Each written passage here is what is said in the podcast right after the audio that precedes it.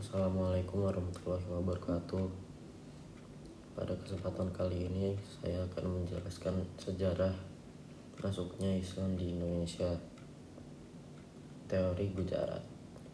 Agama Islam dibawa dan dikembangkan ke Indonesia oleh para pedagang dari Gujarat, Arab, dan Persia. Mereka datang untuk pertama kalinya ke pesisir pantai barat Sumatera, balik ke Barus atau ke Perlak dan negeri-negeri sekitar dan negeri-negeri sekitarnya.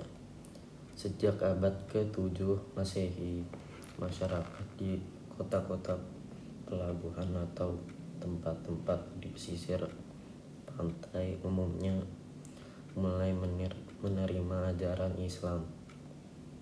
Setelah munculnya Kesultanan Samudra Pasai pada abad ke-17 Masehi, Islam semakin tersebar ke, ke pedalaman Sumatera hingga ke wilayah selatan. Tokoh yang amat berperan menyebarkan Islam di pedalaman Sumatera ialah Syekh Ismail. Agama Islam mulai berkembang di Pulau Jawa pada abad ke-11 Masehi.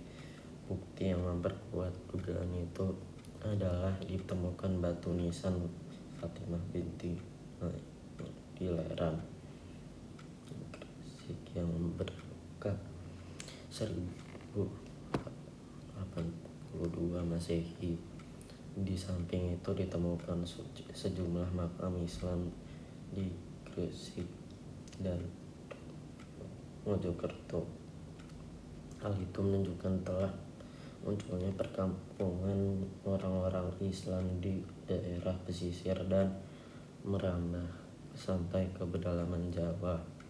Pertumbuhan masyarakat Muslim di, di Jawa semakin meningkat tatkala muncul Kesultanan Demak pada sekitar 1500 Masehi.